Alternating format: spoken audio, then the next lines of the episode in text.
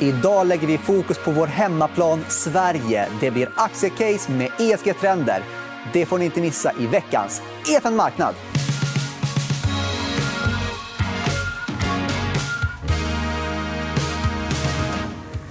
Vill man ha koll på ESG-trender och svenska aktier då kan man inte bjuda in någon annan än Anna Strömberg från Catella. Varmt välkommen. Tack. Vi har haft corona, vi har haft ESG-trender, pratat om miljöpolitik. Det har ju varit ett händelserikt år. Hur har det varit för er?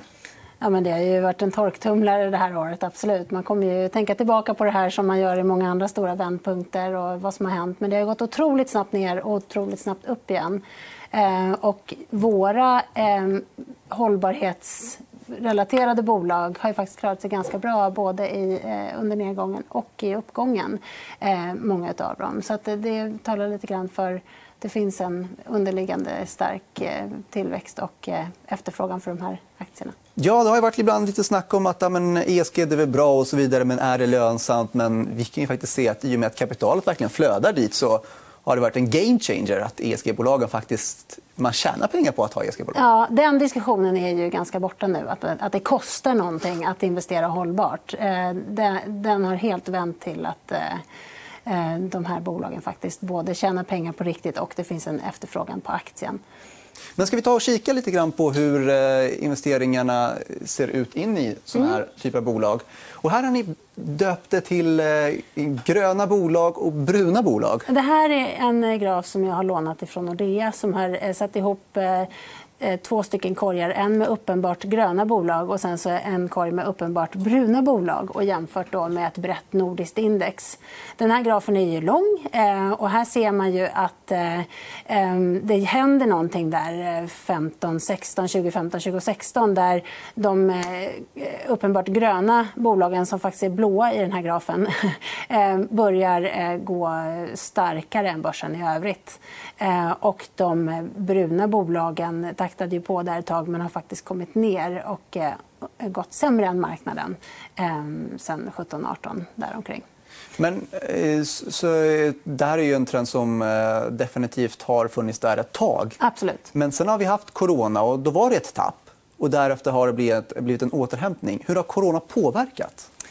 Ja, men corona påverkar på flera olika plan. Eh, i, I början så gick ju de här hållbarhetsrelaterade aktierna såklart ner i, i takt med den generella marknaden. Eh, men återhämtade sig eh, just det, nu ser man här, går ner ungefär som marknaden. De bruna bolagen gick ju ner mer. Ehm, men sen ganska snabbt började komma upp igen och gå, gå starkare. Eh, det är några saker som har hänt här. Dels så är det ju att eh, de här bolagen faktiskt har levererat eh, okej okej resultat givet den, eh, det stoppet i ekonomin eh, som vi såg. Eh, och dels så är det att man... Många förvaltare och kapital, kapitalförvaltare och kapitalägare som har ställt sig bak och skrivit under PRI och, och eh, bestämt sig för att eh, investera hållbart. När man får en sån här sättning i marknaden och sen ska gå in i marknaden igen så är det kanske den typen av bolag som man väljer som har fallit lite alltså, Helt enkelt, det har varit lite stök, man har behövt sälja av och sen ska man köpa tillbaka. Då kan man lika gärna göra den här gröna omställningen och köpa ja, de till bolagen mm. istället. Mm. Och det gör en jätteskillnad. Men den viktiga punkten här tror jag ändå att operationellt så har de här bolagen klarat sig okej. Mm. Ja, eh, för förutom... Det finns flera anledningar till varför ESG-bolag är viktiga. och så vidare. Bland annat så har ju policy börjat komma i eh, deras väg. Mm. Och det, det, tycker du är väldigt intressant, speciellt på lång sikt. Mm. Nej, men, eh, 2020 var ju året då allting skulle hända. Då hade vi fått väldigt mycket på plats. Vi hade Agenda 2030, vi hade EUs gröna giv. Eh, USA hade också eh, en massa skattelättnader och så, och så vidare på plats sen tidigare. Ehm, vi hade en hel del direktiv från EU om plaster och så vidare som hade fått på plats på, på kort tid och eh, producentinitiativ. Så väldigt väldigt mycket som skulle hända det här året. Sen kommer eh, den här pandemin och sätter stopp på allt som händer i världen. Eh, vad som har hänt sen är att eh, framförallt inom EU så har man valt att ta den här situationen som vi har nu eh, där man måste gå in med stödpaket och hjälpa ekonomin på fötter igen till att ytterligare dirigera om kapital så att det kommer i gröna investeringar och, och, och grön omställning. Så man löser två kriser på en gång, en pandemi och en klimatkris. Och hur har det eh, funkat? Är det så att man kan titta nu på de här direktiven från EU och eh, policyändringarna och tänka att ja, men, det här är något som inte kommer pillas i de närmaste tio åren utan det är den här vägen vi kommer gå? Eh, vi har ju sett Eh, om man tittar på EUs eh, Green Deal eh, så är ju fokus där är ju att ställa om mot förnyelsebart från det fossila och minska koldioxidutsläppen.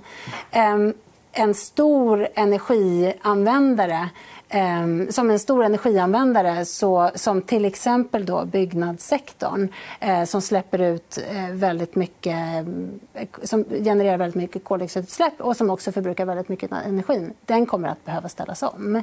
Ehm, det är någonting man kan hålla sig i när man väljer att hitta sina aktier, aktier och vilka bolag man tror kommer kunna ha en stabil, stabilare tillväxt och strukturell. Men det är ju väldigt intressant. Eh, vi pratade lite grann om bygg. och Det är faktiskt lite det vi eh, kommer att gå in på med mm. aktier där.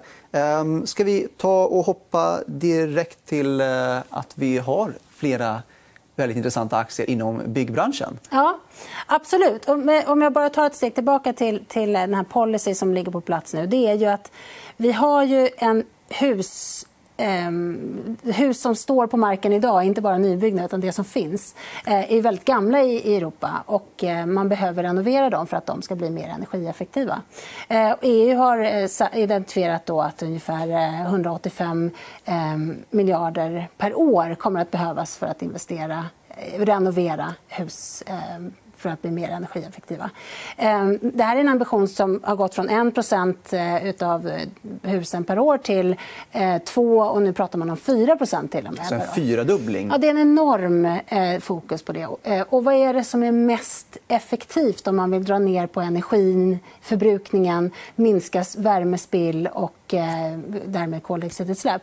Ja, men det är ju att renovera i, eh, i sånt som värmer upp och kyler ner hus, eh, sånt som isolerar och sånt som täpper till på toppen eller i, eh, i fönster och dörrar. Och här har ju vi i Sverige, Norden, verkligen en liten godispåse av bra bolag att plocka från. Ehm, dels så har vi ju då Nibe, eh, som är en starkt lysande stjärna inom hållbarhetsområdet har varit länge. Ehm, det här är ju ett bolag eh, som eh, det är förnyelsebart. Och I EUs direktiv så är också ett fokus att eh, man kommer sätta krav på att det ska finnas en viss andel förnyelsebart i det man bygger. Så att, Nibe, som har en stor andel i Sverige och Norden och i Tyskland, eh, kommer att gynnas av det. Eh, de har också en stor andel i USA eh, av sin försäljning. Eh, för att USA överhuvudtaget ska komma någorlunda ikapp EU vad gäller förnyelsebart så kommer det här vara ett område som man kommer eh, investera i också. Men det intressanta är att du och jag pratade om det här innan och då pratade mm. om att du letar också efter Nibe-liknande bolag ja. till en lägre värdering. Ja, men det finns ju... Nibe har ju fått en ESG-stämpel. Nibe har ju fått en ESG-värdering också, eller en hållbarhetsvärdering. Um, det finns ju en massa bolag som jag tycker förtjänar en högre eh, värdering och ett högre fokus vad gäller hållbarhet. Eh, och då är det ju de här andra bolagen inom lite samma område. Lindab är ett sånt. Eh, Systemair är ett annat. Båda de är liksom relaterade till eh, det som kallas för HVAC, då, som ventilation, och eh, heating och cooling. Eh, vi har ju också eh, Inwido som är fönster och dörrar, Europas största producent av fönster. Det är ju också en jätteviktig ehm, källa för spillvärme genom fönster. Byter man fönster så kan man spara eh, en hel del på det. Ehm, och, ehm, sen har vi också Rockwool, danska isoleringsbolaget. Isolering är också en väldigt viktig del för att minska på eller för att göra husen bättre. Men ska vi då eh, börja med ventilation i alla fall. Mm. Eh, där, har du, där nämnde du System Air bland annat. Mm. Och, eh, vad är det viktigaste att veta om den marknaden när man investerar? Det man behöver kanske tänka på det är ju just den här stora vågen av renoveringar och att eh, de faktiskt är med på den marknaden också. Det är inte bara nybyggnation. Eh, och det är de. Eh, sen så tycker jag att om man tar Systemair till exempel så har vi ju en... Det är ju liksom en fantastisk liten story där kring en stark huvudägare. De har ett jättebra avtal med Panasonic. Det är ju potentiell uppköpskandidat. Så det finns en massa annat som kan vara intressant i Systemair. Det är ju hjärnan bakom en eh, ventilationslösning i ett hus. Eh, Lindab däremot, de gör kanske lite mer eh, rören och liksom de delarna. Här har vi också en intern intressant aktiestory med eh, vd som sätter fokus på det operationella, eh, tar bort en massa olönsamma affärsområden, eh, fokuserar på det som fungerar bra och man har en, ja, en in, intressant marginalresa att göra internt i bolaget. Ehm, så den gillar vi också. Ehm, båda de här har ju en... Om man då jämför med Nibe... Ehm, det är inte samma, de ska inte ha samma multipel för det är olika delar av den värdekedjan. Men ehm, de förtjänar i varje fall eh, en högre multipel och komma med på en mer ESG-relaterad värdering. Och jag tycker att det börjar hända. Det är fler och fler som börjar nämna de här bolagen när man pratar hållbarhet och hållbara investeringar. Så en del av detta är fundament att det kommer att vara mer renoveringar och en del är att multiplarna ska vara högre för att det kommer att vara en ESG-stämpel på dem. Och bolagen i sig kan leverera på mål och har en god setup vad gäller marginalexpansion, tillväxt, köpa till sig tillväxt. Niben som kan köpa till exempel bolag och växa därigenom. Men ska vi då gå in på Inwido? Mm. Eh, där har vi ju fönster. Mm. Och det kan ju låta som att det har funnits i all evighet så gott som. Mm. Vad är det som är så spännande just där just nu? Då? Ja, men det är ju på samma tema. Eh, de kan visa en god organisk eh, tillväxt. Nu har vi också haft mer fokus på att vi sitter hemma mer. Vi kanske börjar planera mer vad vi ska göra med, på hemmafronten. Och fönster är ju en sån stor besparing. som man kan, om man renoverar så kan det vara så att man, bygger, eh, att man byter ut sina fönster. Ehm, eh, och, eh, de har, I senaste rapporten här som kom så visar de på en god organisk tillväxt. De har en god ordersituation. Nu går vi in i en säsongsmässigt kanske lite svagare period för dem då man inte byter sina fönster. Men just den här starka orderingången gör ju att det ser ju väldigt eh, bra ut för dem. Och hur långsiktigt är det vi pratar i Invidios fall? Är det fem år sedan du tittar på dem? Eller? Ja, nu pratar jag ju kortsiktigt här eftersom ja, jag pratar kvartalsrapporter. Ja, men... det är den som vi precis fick. Nej, men det här är ju en resa som, som vi kommer se i Europa som kommer vara under flera, det kommer ju vara under flera år. Fokuset är ju 2030 och sen 2050. Ehm, och den här höjda renoveringstrenden kommer ju vara... Det kommer vi inte se över en dag, utan det kommer vara en under underliggande tillväxt som kommer backa eh, försäljningen för de här bolagen under flera år framöver. Och eh, om man då, eh, egentligen med alla dessa bolag så handlar det om ja, men, till viss del att man ska förbättra hur det ser ut i hemmen när man ändå renoverar. Det ska vara mindre energikostnader och mindre utsläpp. Hur mycket research är det man behöver lägga ner? Hur mycket pengar är det för research och hur mycket är de redan där? Hur mycket... Alltså fönster och dörrar tänker jag ändå att det inte är någon gigantisk research och developmentutveckling. De produkterna är klart att de förfinas och förbättras såklart ehm, och eh, kan vara nog högteknologiska på sitt sätt. Men produkterna finns ju där. Ehm, att byta ett gammalt fönster som är kanske 20-30 år gammalt mot ett nytt, bara det är en energibesparing även om man väljer eh, inte high-end fönster. Ehm, så att produkterna finns där i deras fall. Vad gäller Lindab så är det också en eh, produkt som är mer handlar mer om volym än det gör att de kommer med jättemycket nya innovativa lösningar. Systemair och Nibe, där är det ju mer en teknologisk eh, höjd som, som kan bidra. Men jag skulle säga att produkterna finns här. Det handlar om att man sätter fokus på att det är den typen av investeringar man vill rikta kapitalet till från EUs håll. Men eh, förutom det du har nämnt, de här byggmaterials... eh, och eh, ventilation och så vidare. Sen har man ju också stora projekt som ska planeras för en omställning. och Där har vi andra typer av bolag som eh, ja. gör de här projekten. Vill du berätta? Ja, men precis. För vilka är det som gör... Nu har vi pratat kanske lite mer hus eh, och befintliga byggnader.